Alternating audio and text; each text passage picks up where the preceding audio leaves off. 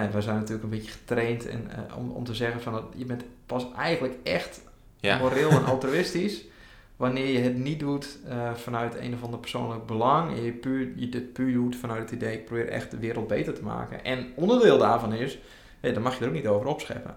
Eh, Ja. en, en ja, en als je, als je denkt in termen van je wilt een in- inktvlekwerking creëren en je wilt het normaal maken om, om, om hierover na te denken, ja, dan wil je dus eigenlijk er wel iets over zeggen. Welkom bij Effectief Doneren, de podcast die jou helpt anderen te helpen.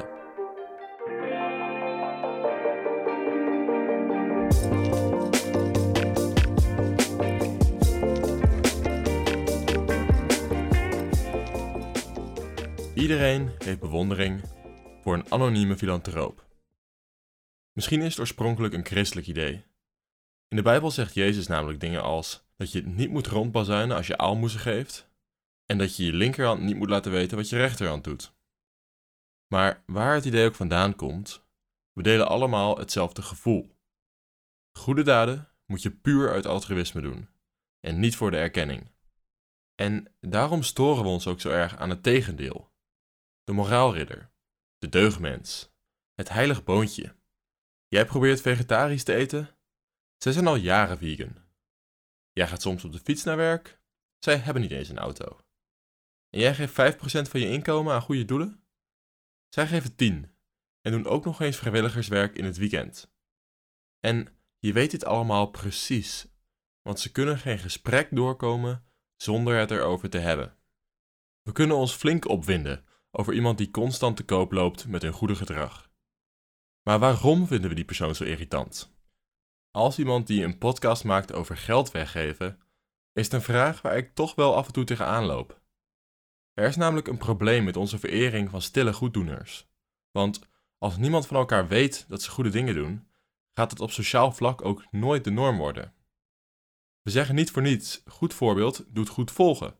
Maar dat werkt natuurlijk alleen als anderen dat goede voorbeeld ook kunnen zien. De vraag die ik dus wil beantwoorden is: hoe kun je anderen inspireren effectief geld weg te geven, zonder aan de kant te worden gezet als een vervelende predikant? Om me hiermee te helpen, heb ik Jan-Willem Bolderdijk uitgenodigd. Jan-Willem is onderzoeker aan de Rijksuniversiteit Groningen en is geïnteresseerd in hoe mensen morele beslissingen maken. We hebben het in dit gesprek onder andere over wat hij het heilig boontje-effect noemt, waarbij mensen een negatieve reactie hebben als ze worden geconfronteerd met iemand die iets goeds doet. Maar Jan-Willem vertelt ook wat die negatieve reactie voor jou betekent als je iemand wil overtuigen van je doel. Misschien is het namelijk niet eens zo erg als je denkt, als iemand even in de verdediging schiet. Tot slot hebben we het nog over de toekomst van het effectief altruïsme. En praat ik met Jan Willem over de uitdagingen voor die beweging bij het verspreiden van haar boodschap. Zoals altijd is deze podcast een samenwerking met de website Doneer Effectief. Voor meer informatie kun je naar www.doneereffectief.nl gaan. Hier vind je onder andere per thema een lijst met organisaties die jouw donatie het effectiefst inzetten.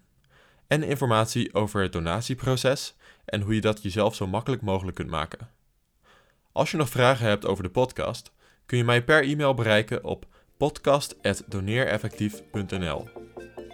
Veel plezier met de aflevering.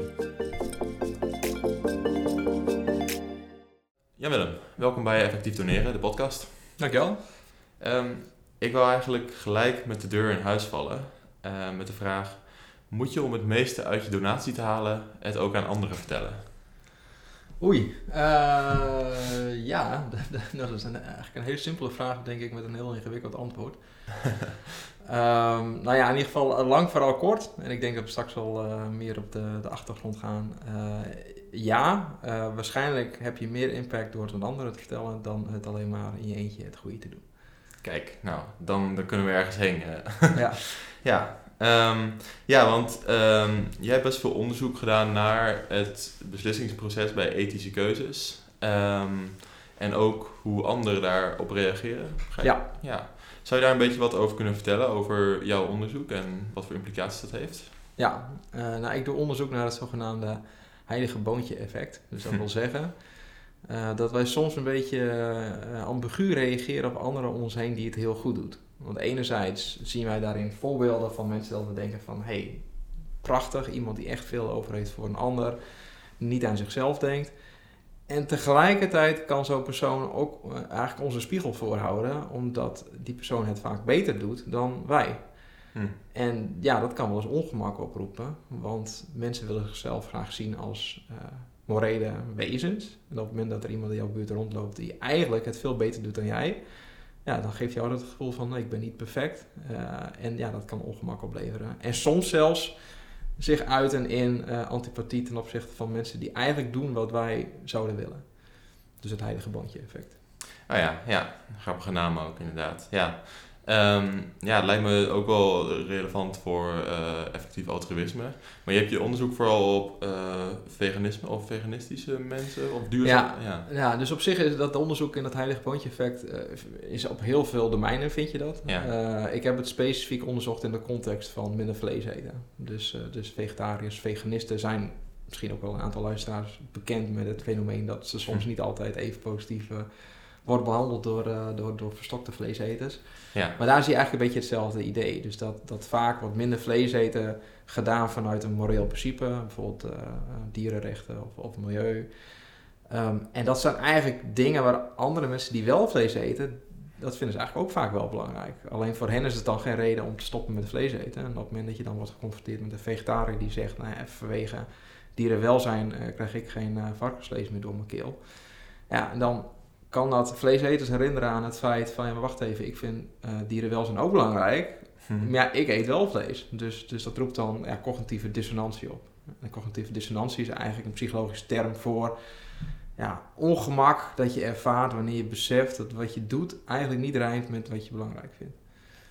Ja, ja, ja, ja. Um, ja, en zou je misschien een beetje kunnen ingaan op hoe jullie dat onderzocht hebben en ehm, eh, ja, wat, wat, daar de, de setup was en hoe dat... Uh... Ja, er zijn verschillende onderzoeken die ik al kan uitleggen, maar ik, ik denk even aan twee die wel even leuk zijn. Uh, het eerste is, dat was dan niet specifiek onderzoek naar minder vlees eten, maar dat was eigenlijk in de context van ja, een, een, verpakkingsvrije winkel. Dus mm. ik heb onderzoek gedaan naar hoe reageren mensen op iemand anders die de verpakkingsvrije winkel stimuleert op, op Facebook. Nou, de verpakkingsvrije winkel, dat is een concept. Dat, uh, een poosje geleden was het in Groningen, is er echt een winkel geweest. En het idee daar is dat in plaats van dat je je producten koopt eh, gewoon met uh, verpakking, neem je zelf je uh, containers, neem zelf je bakjes mee naar die winkel. En nou ja, daar haal je dan het spul wat je wilt, cornflakes of zo. Ja. En dat neem je dan weer naar, mee naar huis. En het idee is dat scheelt een boel verpakking en dat scheelt dus een gewoon milieu-impact. Nou, en waar wij benieuwd naar waren is van hoe reageren mensen nou op iemand anders die zo'n verpakkingsvrije winkel promoot op internet? Nou, en ik doe dan experimenteel onderzoek, dus dat wil zeggen ik ga dan systematisch bepaalde factoren variëren om te kijken van wat doet dat met de reactie. En in dit geval was ik geïnteresseerd in, maakt het nou uit hoe die ambassadeur van die verpakkingsvrije winkel die uh, keuze om die verpakkingsvrije winkel te, te stimuleren motiveert. Doet hij dat met morele redenen? Dus dat wil zeggen, nou, ik denk aan de toekomst, ik denk aan het milieu en daarom vind ik dat de verpakking uh, moet ah, minder wordt. Ja. Versus zegt hij, ja, ik ben een student, uh, wat heb ik aan al die grote verpakkingen? Uh, ik moet het toch alleen maar weggooien. Dus het is in mijn eigen voordeel om naar die verpakkingsvrije winkel te gaan. Financieel of zeg maar... Dus financieel, okay, ja. Dus eigenlijk waren we benieuwd, ja, wie vinden mensen nou eigenlijk overtuigend en aardiger? Wanneer die ambassadeur zegt, ik doe het vanuit morele overwegingen of ik doe het vanuit financiële, eigenlijk uh, egoïstische overwegingen. Ja, ja. ja, wat je daar ziet is, op het moment dat mensen zelf nooit echt hebben nagedacht over die verpakkingsvrije winkel, dan zeggen ze, nou, die moreel uh, gemotiveerde ambassadeur, ja, die vind ik aardig. En, uh, en dan ben ik ook meer geïnspireerd om zelf daar mijn boodschappen te gaan doen. Dat hadden we ook gevraagd in het experiment. Maar in een andere versie van het experiment deden we eigenlijk hetzelfde. Maar nu vroegen we voordat mensen eigenlijk een reactie gaven op die ambassadeur gaven we ze zelf de mogelijkheid om uh, een petitie te tekenen die zei er moeten meer verpakkingsvrije winkels komen. En die petitie moesten ze dan ook op Facebook delen met anderen. Nou, en dan zie je eigenlijk dat heel veel mensen vinden dat het idee van een verpakkingsvrije winkel heel sympathiek. Hmm. Maar om dat vervolgens te gaan tekenen en op Facebook te gaan zetten en andere mensen op te roepen om dat ook te gaan doen, dat ging veel mensen eigenlijk net een brug te ver. Nou, dus in een andere versie van het experiment hadden mensen eerst zelf die oproep gekregen om die petitie te tekenen. De meeste mensen weigerden dat, gingen, ze net, gingen net de brug te ver. Ja. En toen vervolgens kregen ze diezelfde informatie over die ambassadeur. Die zei, nou, ik heb deze petitie wel getekend. Uh, ik heb dat gedaan vanwege morele overwegingen. Want ik vind het belangrijk dat we naar een groene toekomst gaan. Ik vind het belangrijk dat we het juiste doen, dat we moreel juiste keuzes maken. Ja. En volgens hebben we die mensen die net hadden geweigerd om die petitie te tekenen, hebben gevraagd: wat vind je nou van die ambassadeur? En het grappige is, dat wat je ziet, is dat, op, dat die morele ambassadeur, die voor mensen die zelf nog nooit hebben nagedacht over pakkingsvrije winkel, zeggen ze, nou top, uh, hartstikke goed en uh, ik doe je na. Maar op het moment dat diezelfde ambassadeur wordt uh, gezien door mensen die zelf hebben geweigerd om die petitie te tekenen voor de pakkingsvrije winkel, dan wordt in één keer veel negatiever gezien. Dan vinden mensen hem in één keer arrogant, vinden ze hem vervelend. Ja. ja. En waarom komt dat? Nou ja, in het tweede geval houdt die persoon jou een spiegel voor. In het tweede geval doet die persoon iets wat jij zelf nagelaten hebt. Ja, ja. En op dat moment is zo'n goede Rick in één keer ook iemand die jou herinnert aan het feit dat, wacht even, ik vond, ja, eigenlijk durf ik gewoon uh, niet te handelen in lijn met mijn principes. Die persoon durft dat wel en geeft mij dus eigenlijk een slecht gevoel. Ja. Nou, en we weten dat, uh, dat, dat roept dus cognitieve dissonantie op, het gevoel van ongemak. En we weten dat mensen op twee manieren kunnen omgaan met het ongemak. Ofwel hun gedrag veranderen. Nou, in dit geval gaat het lastig, want je hebt al gezegd, ik ga die petitie niet tekenen. nou ja, dan blijft de enige optie die over is, shoot the messenger. Ja, ja. Uh, nou, en dat heilige boontje effect, dat komt eigenlijk voort uit wanneer mensen het gevoel hebben, wacht even, iemand anders heeft iets gedaan wat ik ook had kunnen doen. Wat ik eigenlijk heb nagelaten. Wat in lijn staat met mijn waarden. Precies. En, en, uh, ja, en dan is dat is een reactie van anderen. Oké, laat ik maar de persoon uh, die mij dat slechte gevoel geeft wegzetten als uh, heilig boontje of als moraalridder of als klimaatdrammer. Want dan hoef ik hem niet serieus te nemen en hoef ik eigenlijk mijn eigen ongemak ook niet serieus te nemen. Ja, ja. ja er, zit een, er, zit een, er zit een hoop in wat ook um, relevant is voor ja, ethische beslissingen in die zin. Um, ja, zou je een beetje kunnen uitleggen wat dat betekent als je bijvoorbeeld um, zo iemand bent die dat, die boodschap wil uitdragen en wat voor impact je daarmee kan hebben?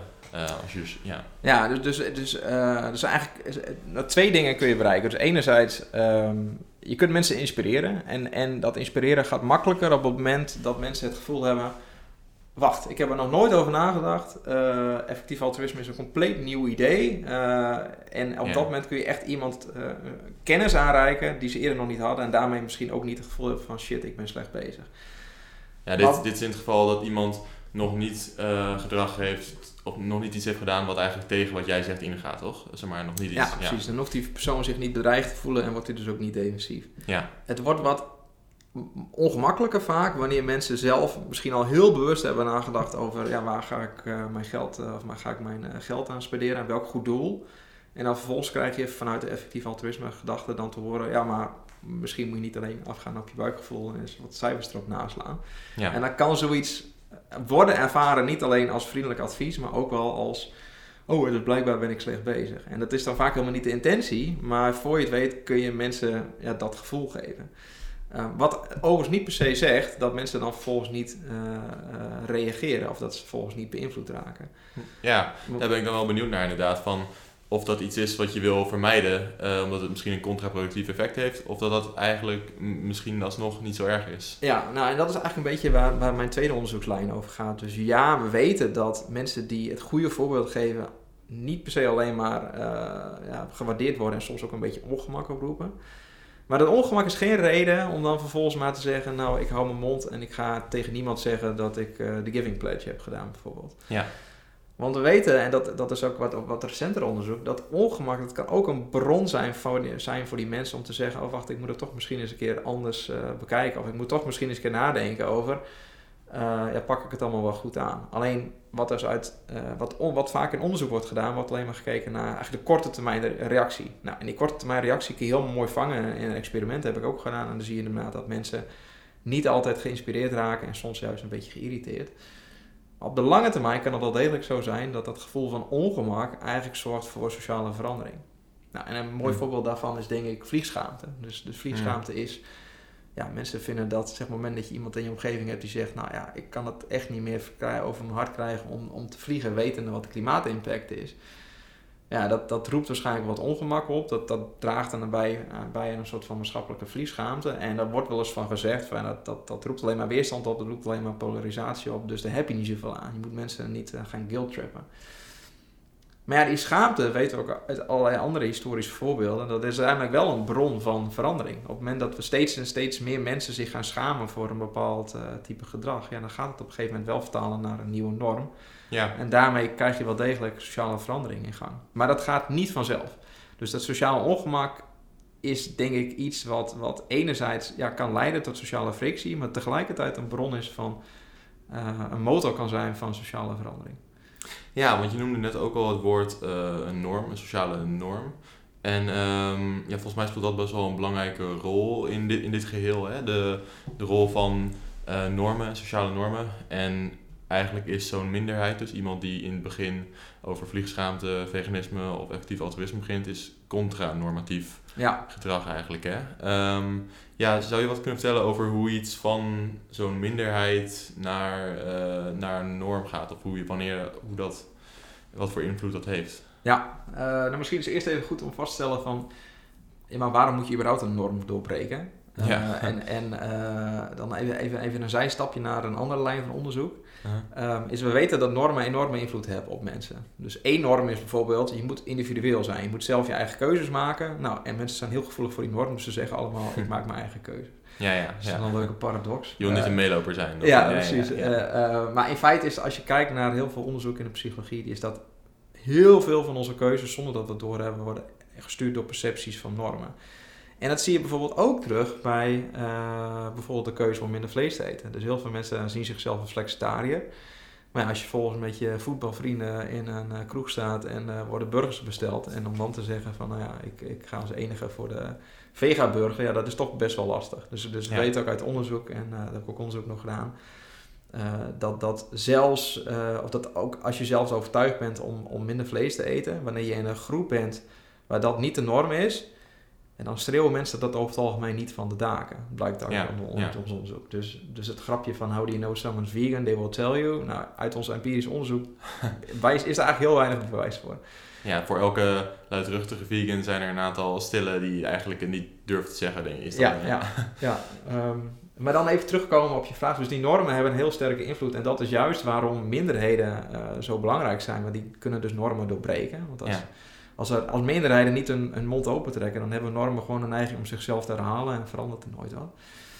Um, en, uh, en de kracht van minderheden is dat ze vaak meerderheden, uh, het denken van minder, meerderheden aan, aan het wankelen brengen. Dus dat kan zowel positieve als negatieve effecten hebben, afhankelijk van waar je de kant op wil of, of, of je het eens bent met die sociale verandering. Ja, ja. Uh, maar we weten bijvoorbeeld uit, uit uh, onderzoek, dat heet dan Minority Influence, um, dat is van Moscovici. Daarin weten we dat meerderheden vaak best wel uh, openstaan, of, of in ieder geval minderheidsgeluiden wel horen. Maar vaak gaat, betekent dat niet dat ze in het moment zelf van mening veranderen. Want meerderheden willen graag worden gezien als loyaal, meerderheidsleden. En mensen willen zichzelf ook niet worden, niet worden, willen niet worden gezien als flipflopper.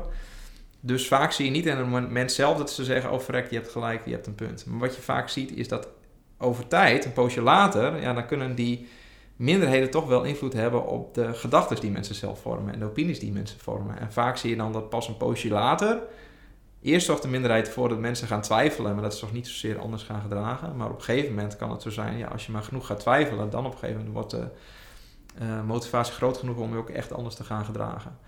Ja. Alleen het gevaar daar is een beetje dat minderheden zien dat vaak niet. Minderheden zien vaak, uh, ik heb een, een, een, een tegengestelde mening, niemand reageert, uh, dus blijkbaar heb ik geen invloed gehad. Ja, ja. Of mensen reageren negatief zelfs. Exact. Ja, dus, of, dus blijkbaar ben ik alleen maar vervelend aan het doen of zo, weet je wel. Ja. Terwijl misschien diezelfde persoon een paar maanden later van gedachten is veranderd. Ja. Ja. Ja. En um, als we dit nou eventjes naar uh, effectief, maar natuurlijk niet heel veel uit wat het doel is van als ik je zo begrijp, maar naar effectief altruïsme of effectief doneren uh, betrekken. Um, stel je zit uh, aan de, aan de eettafel met je familie en het komt ter sprake. Wat is dan, um, hoe, hoe, als je het wil uitleggen en mensen wil overtuigen, wat is dan de, de aanpak? Moet je het überhaupt eigenlijk vertellen? Of is het meer dat je het feit dat je het doet, of ja, moet je mensen overtuigen? Of is het feit dat je het doet en je daarover vertelt eigenlijk al uh, genoeg? Ja, uh, ook daar valt weer van alles interessants over te zeggen. Um, uh, we weten zeg maar dat doen zonder daarbij expliciet zeggen van, nou ja, ik vind dat jij dat ook moet doen Ja. Dat, dat eh, zeg maar leading by example, eh, dat is over het algemeen een hele effectieve manier om, om mensen te beïnvloeden. Hm. Tegelijkertijd, ja, als je er niks over zegt en je zegt alleen maar ja, ik doe het en je legt eigenlijk de achtergrond niet uit van die keuze, ja, dan kunnen mensen ook denken van nou ja, hij, misschien zit er een Ja. belastingvoordeel aan het feit dat hij Ja. zoveel doneert of zoiets. Dus dan, dus, dus, eh, dus enerzijds ja, je wilt, wilt niet preken en tegelijkertijd ja, je moet mensen wel meenemen in je keus. En, en, ehm, dus, dus wat ik zou zeggen, ik, ik- er is denk ik geen, geen eh, one size fits all advies. Nee, nee. Maar ehm, ik zou zeggen, maak mensen nieuwsgierig. Ga niet zozeer zeggen Hmm. van je moet het zo doen, maar probeer, ze, probeer nieuwsgierigheid te cultiveren. En, maar waarom doe je dat eigenlijk op die manier? Wat zijn je overweegredenen? Ja. En Op het moment dat je. Eh, en op die manier kun je mensen hopelijk meenemen in je redenatie. Want wat Ja. je inderdaad wilt vermijden is dat mensen het gevoel hebben van: oh, en jij vindt dus ook dat ik dat moet doen en ik ben dus slecht bezig. En dan is het heel moeilijk om het Ja. gesprek aan te gaan. Ja, want, want je kan natuurlijk inderdaad zeggen van... ehm, ik doneer een bedrag aan het Against Malaria Foundation. Ja, En dat iemand dan denkt van... Oh, misschien eh, heb je een broer die aan malaria is overleden. Zo. En dan heb je alsnog niet dat je iemand blootstelt aan die, dat, die manier van denken over, Ja. over doneren. Ja. Ja. dat kan ik me voorstellen inderdaad. Ja, Ehm, ja. en eh, ja, we zien het toch ook wel vaak als een soort van nobel om het niet te zeggen. Of een soort van... eh, ja, maar, je, maar om impact te hebben zou je dus eigenlijk wel juist mensen moeten uitleggen. Ja, ja dat, is, dat is een beetje een gekke paradox. Want eh nee, wij zijn natuurlijk een beetje getraind en, eh, om, om te zeggen van dat je bent pas eigenlijk echt Ja, moreel en altruïstisch wanneer je het niet doet eh, vanuit een of ander persoonlijk belang en je, puur, je dit puur doet vanuit het idee ik probeer echt de wereld beter te maken. En onderdeel daarvan is, hé, daar mag je er ook niet over opscheppen. ja, ja. en, en ja, en als je, als je denkt in termen van je wilt een in- inktvlekwerking creëren en je wilt het normaal maken om, om, om hierover na te denken, ja, dan wil je dus eigenlijk eh, er wel iets over zeggen. Dus dit is een beetje een moeilijke, een moeilijke balans. Ehm, dus ik heb daar niet 1, 2, 3 ook een, eh, een goed advies voor. Eh, maar in die zin misschien nog een beetje terugkomend op wat ik net zei. Op het moment dat je mensen zeg maar, actief probeert te overtuigen of zo wordt het gezien, ja, dan bestaat er misschien wel een risico ja, dat het op die manier wordt opgevat. Maar tegelijkertijd, ik denk dat het ook heel erg afhangt van de sociale, van de sociale setting. Kijk, op het moment dat je, wat je al zei, het voorbeeld van je zit met je vrienden aan tafel of je zit met je familie aan tafel, ja. ja, dat is natuurlijk een hele andere setting dan wanneer je iemand voor het eerst spreekt. Dan, Ja, dan, ja. dan is het misschien ook veel logischer dat je bezig bent met wat is de indruk die ik mensen geef. Eh, dus in die zin ben ik er niet zo bang voor dat als je bij je vrienden of bij je familie hierover begint, dat je dan wordt gezien eh, als, als opschepperig of iets dergelijks. Want die mensen kennen jou natuurlijk veel beter dan alleen maar wat je op dat moment zegt. Tenzij je altijd aan het opscheppen bent natuurlijk. Ja, misschien wel, ja. ja dus in die zin, ik zou er niet zo bang voor zijn in de context van, eh, eh, ja, van, van mensen die je al heel goed kent. Ja. Ehm, en tegelijkertijd is het natuurlijk ook alweer een beetje, misschien wel een beetje eng, want juist de mensen die je heel goed kent, ja, die wil je niet voor het hoofd stoten. Maar eh, in die zin, kijk, familie en vrienden, die, die verlies je niet over één gesprek. Nee, precies. Dus wat dat betreft kun je best wat risico's nemen. En ja, misschien is het ook niet eens een risico. Misschien denken van mensen Ja. heel simpel, hey, hier heb ik nooit over nagedacht. En dankzij jou eh, eh, denk ik wel over na. Zo is het in ieder geval bij mij ook gegaan. Ja, ja. Ja, nee, klopt. Ik denk dat voor heel veel mensen inderdaad zo, eh, zo gaat. Ik heb, ja, tenminste, niet per se met effectief altruïsme, maar wel met vegetarisch en veganistisch eten, weet je wel. Dat je één iemand in je, in je vriendengroep die ermee begint en dan ga je er gesprekken over hebben van en waarom doe je dat? En dan, ja, met daarmee heb je ook nog dat je je automatisch, als je samen eet, eh, moet gaan nadenken over hoe, wat, wat gaan we eten. En dan ga je het automatisch meedoen, soort Ja. van. Ehm, ja, en dan langzamerhand begint het een beetje soort van ook binnen te, binnen te druppelen. Eh, Ja. begin je ook te denken van oké, ja. Ja, En dat is natuurlijk wel, wel in die zin een verschil met effectief altruïsme. Eh, kijk, op het moment dat je het over voedselkeuzes die maken op een dagelijkse basis en vaak ook in een Ja. sociale setting. Dus dat, dat, dat is eigenlijk al een soort van natuurlijk gespreksonderwerp. Ja, dat ga je aan de familietafel gaat sowieso ter sprake komen. Omdat Ja. Je, ja, En, ja. en dat is hier misschien wat minder het geval. Dus in die zin eh, kan ik me voorstellen dat het, dat goed is, misschien niet per se, eens per se om te zeggen van, nou jongens, out, out of the blue, eh, ik heb dit gedaan. Ehm, maar ja, dit is trouwens gewoon niet gebaseerd op onderzoek hoor, maar Ja, gewoon uit, even uit eigen ervaring. Ehm, mensen vragen me wel eens, wat wil je voor je verjaardag?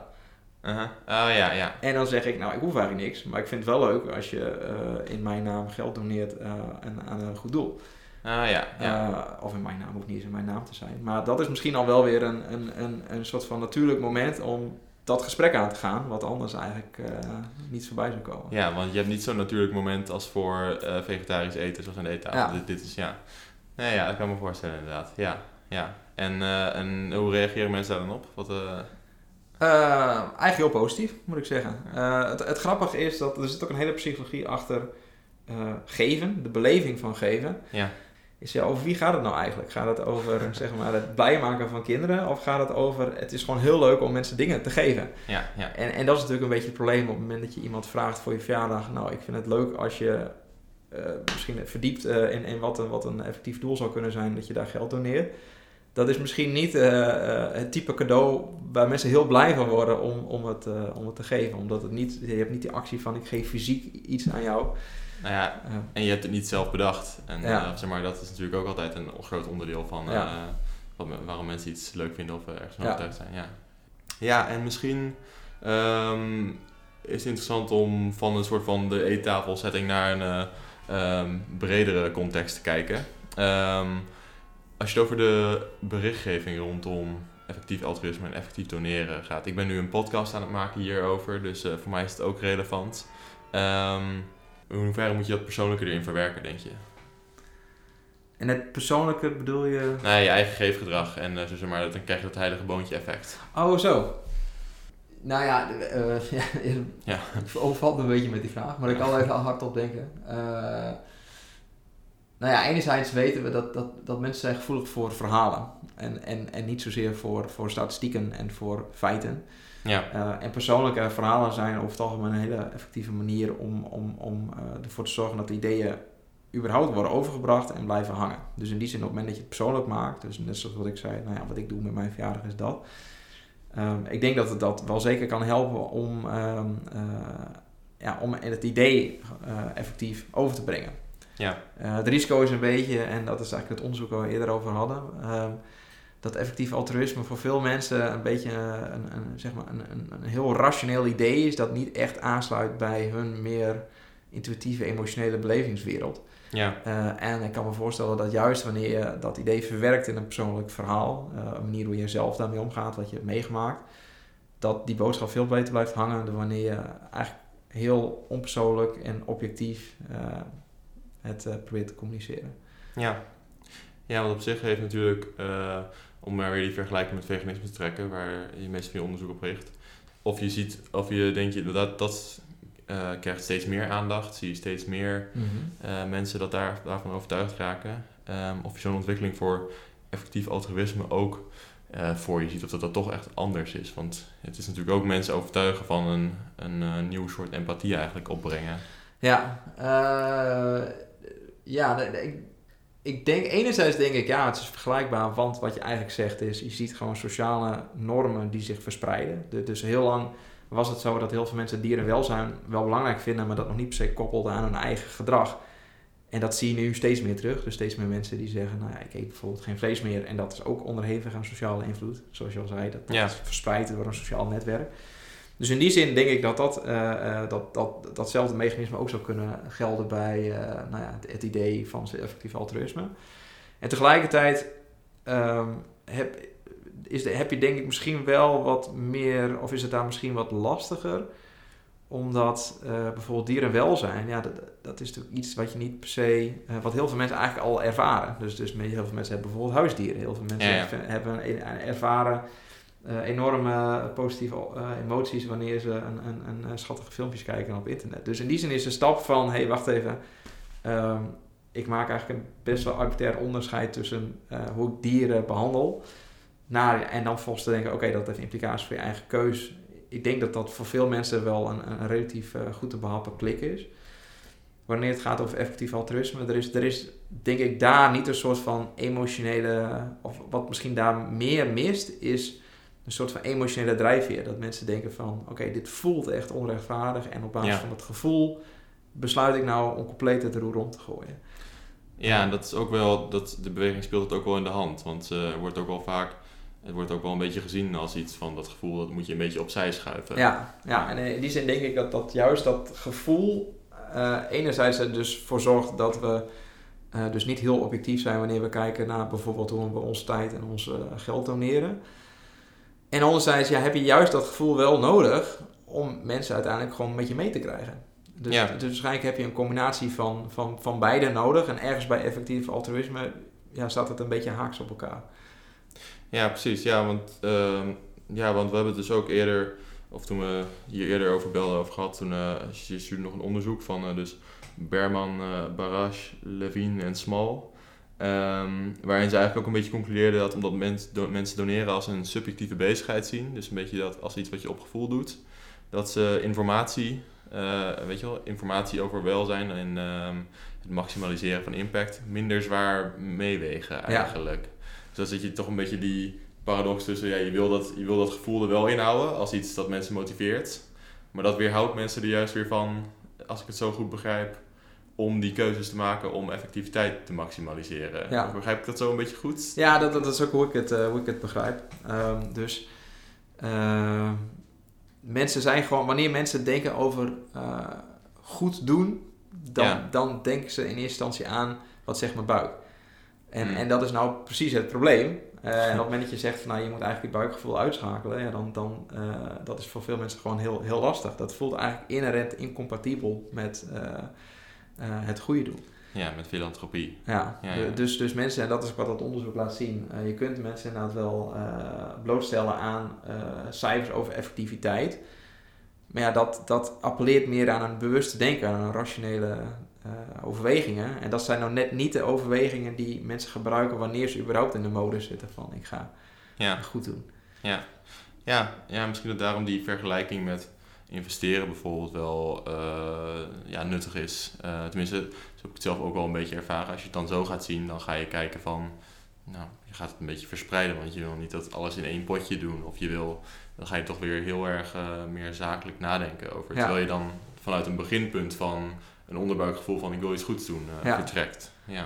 Ja, dus wat dat betreft kan ik me voorstellen dat, dat ehm, als je het hebt over doing good better, het, Mhm. het zou, misschien is, is, is het nog wel een, een hele eh, tak van wetenschap en ook dus eh, nog wel veel potentieel, hoe je eigenlijk de onderliggende principes van effectief altruïsme op zo'n manier verpakt, dat het toch weer aansluit bij die meer intuïtieve, emotionele drijfveren die uiteindelijk voor veel mensen toch de doorslag geven.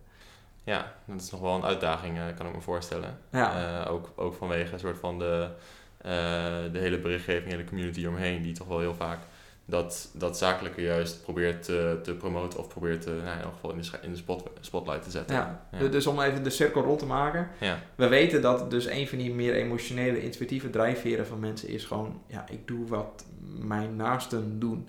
ja, Dus in die zin is misschien uiteindelijk toch de manier om effectief altruïsme eh, bij een breder publiek onder het eh, voor het voetlicht te krijgen, is toch uiteindelijk via de sociale invloed. Dus, dus via Mond de mond. gesprekken, via Ja. mond op mond. Ja.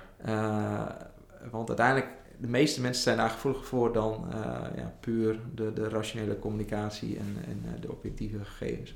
ja, Dus dan kun je toch via dat emotionele kanaal uiteindelijk dat, eh, dat idee gaan verspreiden.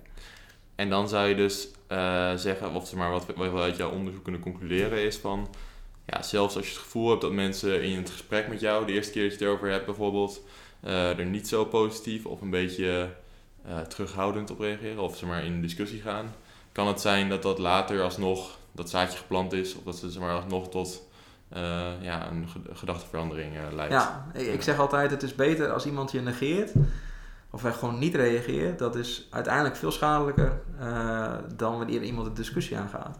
Want als iemand de Hmm. discussie met jou aangaat, dan heeft hij blijkbaar het gevoel dat, dat er iets te verdedigen valt.